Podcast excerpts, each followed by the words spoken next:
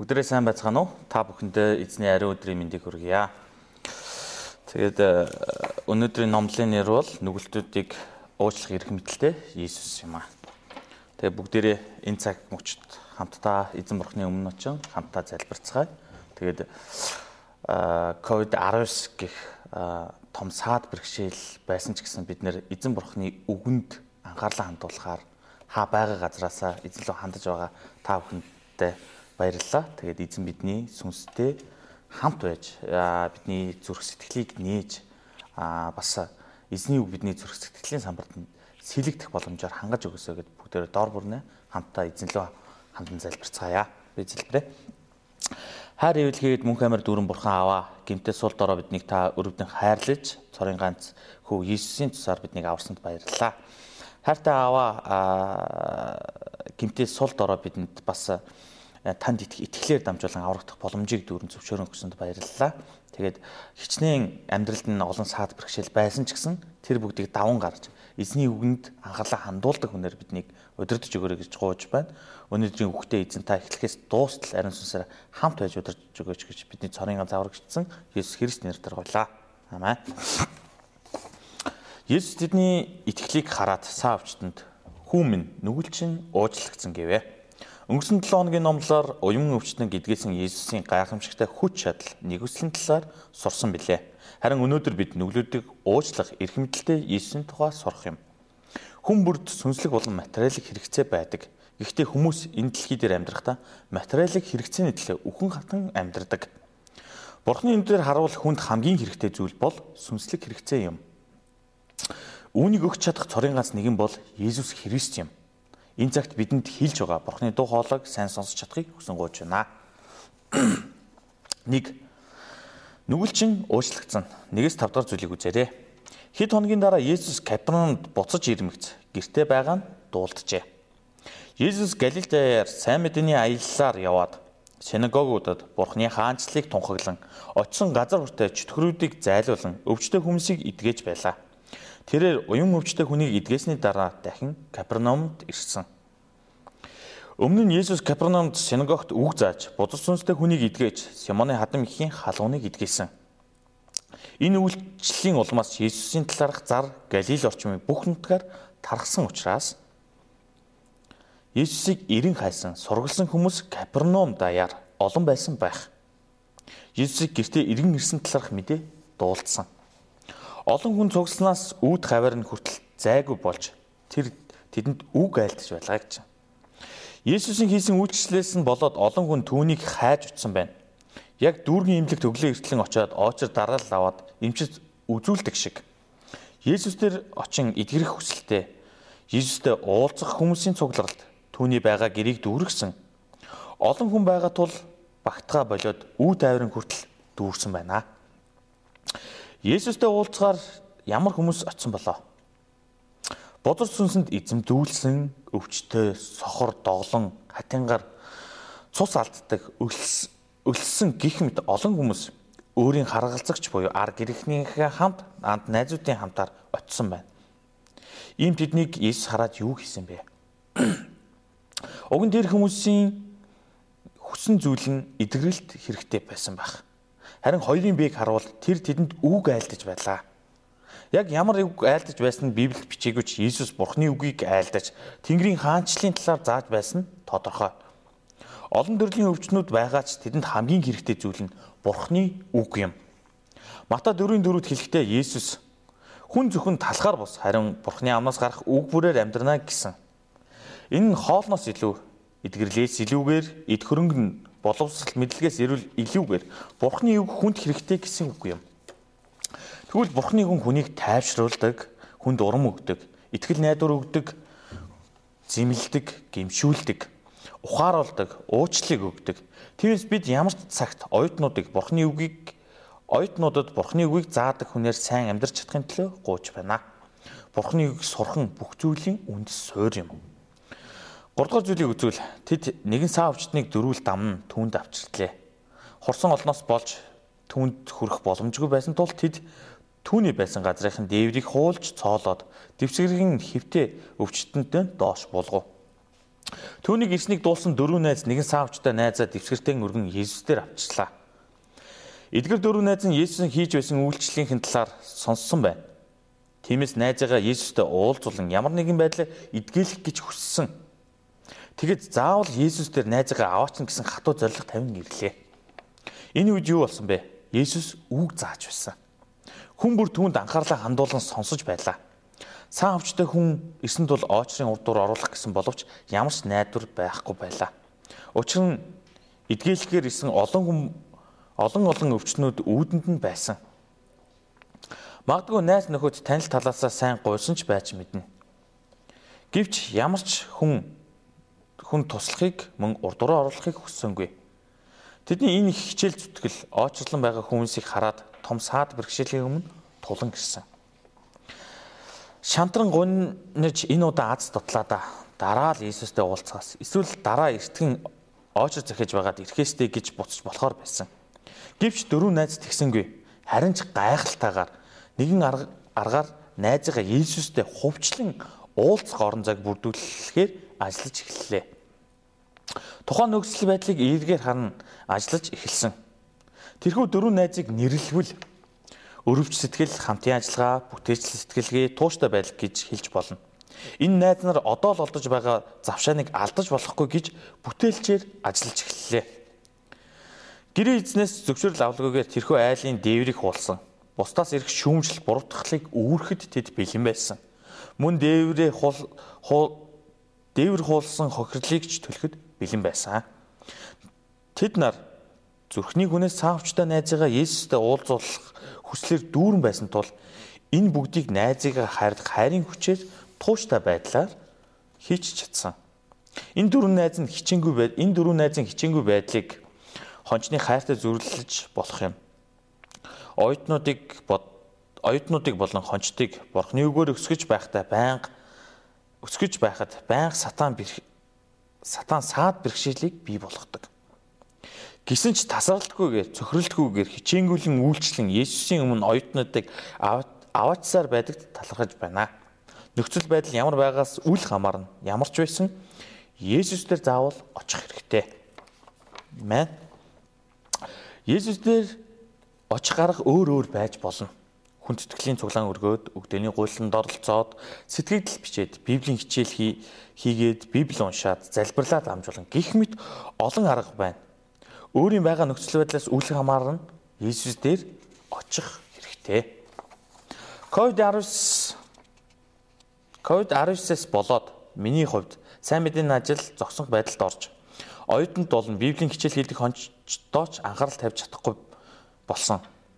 Өдөр бүрийн амьдралын асуудлуудаа дарагдан амьдрсаар байгаагаа олж харлаа.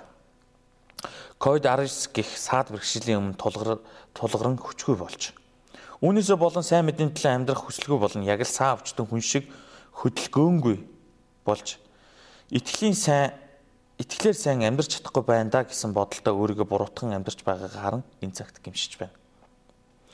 Энэ цаг үед манай жуулганд саа өвчтөн дамнуурган дээр тавиад Иесуст аваачих итгэлийн ирчүүд болон эмгтээчүүд болон хончид хэрэгтэй байна. Итгэлийг амар ярин сайрхах биш. Үйлдэл итгэл нь чухал юм. Яков 2:17-д хэлэхдээ тиймээс ч итгэлэн хэрэг үйлсгүй бол өөрөө үхмэл юм гэсэн байдаг. Үйлстэй итгэлийн саад бэрхшээл даван гарахад тусалдаг юм аа. Мэн. Саад бэрхшээлийг даван туулаад саад саа өвчтэй найзаа эдгээлэх гэж дөрөв найз Есүсийн өмнө найзгаа авчирсан тавьсан. Хачирхалтай нь Есүс тэдний хүссэн зүйлийг хэлсэнгүй. Тавдугаар зүйлийг бүгдээрээ үзээрэй. Есүс тэдний итгэлийг хараад цаа өвчтөнд хүүмэн нүгэлчин уучлагдсан гэв. Найзаагаа эдгэлэхийн тулд цаад бэрхшээлүүдийг арайхийн даван авчирсан тэдний хувьд ийм үг сонсон гэдг нь шоконд орохоор зүйл боллоо. Есүс цуглаан өмлөө гэж тэднийг зэмлсэнгүй. Харин бусад хүмүүсээс ирэх шүүмжлэл, буруутгал их байгааг мэдж байсан тул тэднийг тайвшруулад санаа доромгүй үг хэлэв. Хүүмэн нүгэлчин уучлагдсан гэв. Тэгвэл саавчтай хүнд нүгэл нь уушлагдсан гэж хэлсэн ямар ч устай вэ? Саавч өвчин гэдэг нь бол биеийн галбар болон биеийн хөдөлгөөний өөрчлөлт биеийн хөдөлгөөнийг өөрчилдөг. Булчингийн үйл ажиллагааны эмгэгийг хилдэг юм. Гаднаас гаднах байдлаас нь харуул биеийнхэн булчингууд нь татсан харагддаг. Хүн бүрийн амьдралд Есүсээр шийдвэрлэх хэрэгтэй чухал зүйлүүд олон байдаг. Өвчнөө эдгэлэх, сургуулаа төгсөх, сайн ажилд орох, сайн гэр бүлтэй болох, байртай болох, машинтай болох, хувийн бизнес хийх гэх мэт олон зүйлүүд байдаг. Зарим зүйлүүдийг хурдхан шиг л шийдвэрлчмээр санагддаг. Мэдээж эдгээрийг шийдвэрлэх нь зөв. Иесус дээр авч зал аваач өгч залбирх нь ч зөв. Хэдийгээр хүний гаднах материалын асуудалтай шийдэж бүхий л зүйл сайхан болчих юм шиг хүмүүс боддог. Дөрөв найз найзынхаа өвчнийг л идгээлэх гэсэн хэрэгцээ хамгийн чухал нь байсан. Мэдээд өвчтэй хүн бол хурдхан шиг л өвчнөө идгээлэх нь чухал байдаг. Өвчнөөс эдгрээд амьдрал нь сайхан болчих юм шиг бүгд боддог. Харин үүнийг Есүс харахтаа өвчнөөс илүүгээр өвчнөө идгээлэхээс илүүгээр хүний гим нүгэл уучлагдах нь хамгийн чухал зүйл гэдгийг хэлж байна. Сайн өвчтөг хүн ямар ч чадваргүй сул тул гим үлдэхгүй гэж бодож байж болох юм. Гэвч гаднаас нь хараад хүний гим үйлдсэн үйлдэгүг ялах боломжгүй. Бурхан л хүн бүрийг нэвт харж чаддаг. Сайн өвчин гаднаас нь харуул гим үйлдэггүй юм шиг боловч дотоод зүрхэн сэтгэлдээ гим хийн үйлцээр амьдарсан. Сайн өвчт нь өөрийгөө байн байн өөрийнхөө байгаа байдлыг хараад ялагдлын сэтгэлээр дүүрэн байсан. Бусдаа өөрийгөө харьцуулан үргэлж голдог. Өөрийн муу хувь тавилантайгаа эвлэрэн амьдардаг.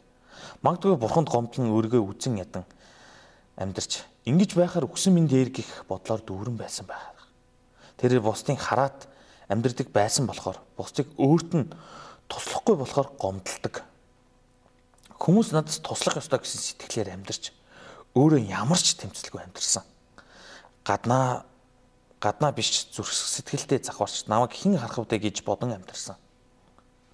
Гаднаа өвчтөө дотроо нүгэлтэй байгаа өөрийгөө харсан тэр цаа өвчт нь яах учраа болохгүй төөрч явсан. Хэдий тийм байсан ч тэр Есүсийн хайртай хондын нэг байлаа. Тийм учраас Есүс өнөөдөр түүнийг ийм их гин нүглийг уучлж байна. Хүүмэн нүгэлчин уучлагдсан гэв. Цаан өвчтэй хүний амьдралдаа сонсож байсан хамгийн сайхан үгийг Есүс түүнд хэлв. Таны хин байх ямар мэрэгчлээ албан тушаалтай байхаас үл хамаарна.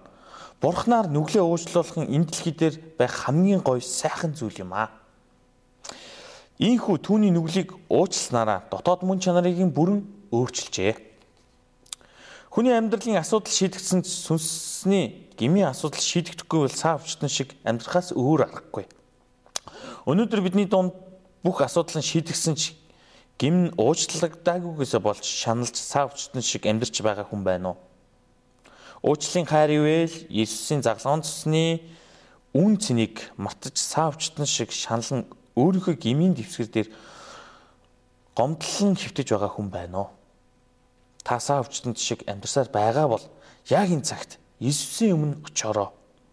Харин Иесус энэ цагт бидний саа өвч өвчин гим нүглийг уучлахыг хүсэн хүсэж байна. Маа. 20 дугаар хэсэг бос дэвсгэрээ аваад гэртээ хайр. Харин тэнд сууж байсан хуулийн багш нарыг зарим дотроо эргцүүлэн энэ яаж ингэж бурхныг доромжилж ярина вэ? Гагцгүй бурхнаас өөр хин нүглийг уучлж чадах билээ гэж ботход тэр даруй Есүс сүнсээр тэднийг эргцүүллийг мэдээд тэдэнд юунд та нар зүрхэндээ ийн эргцүүлнэ бэ? цаа өвчтөнд нүгэлчин уучлагдсан гэж хэлэх эсвэл бос төвсгэрээ аваад яв гэж хэлхийн аль нь амархан бэ гэж асуув.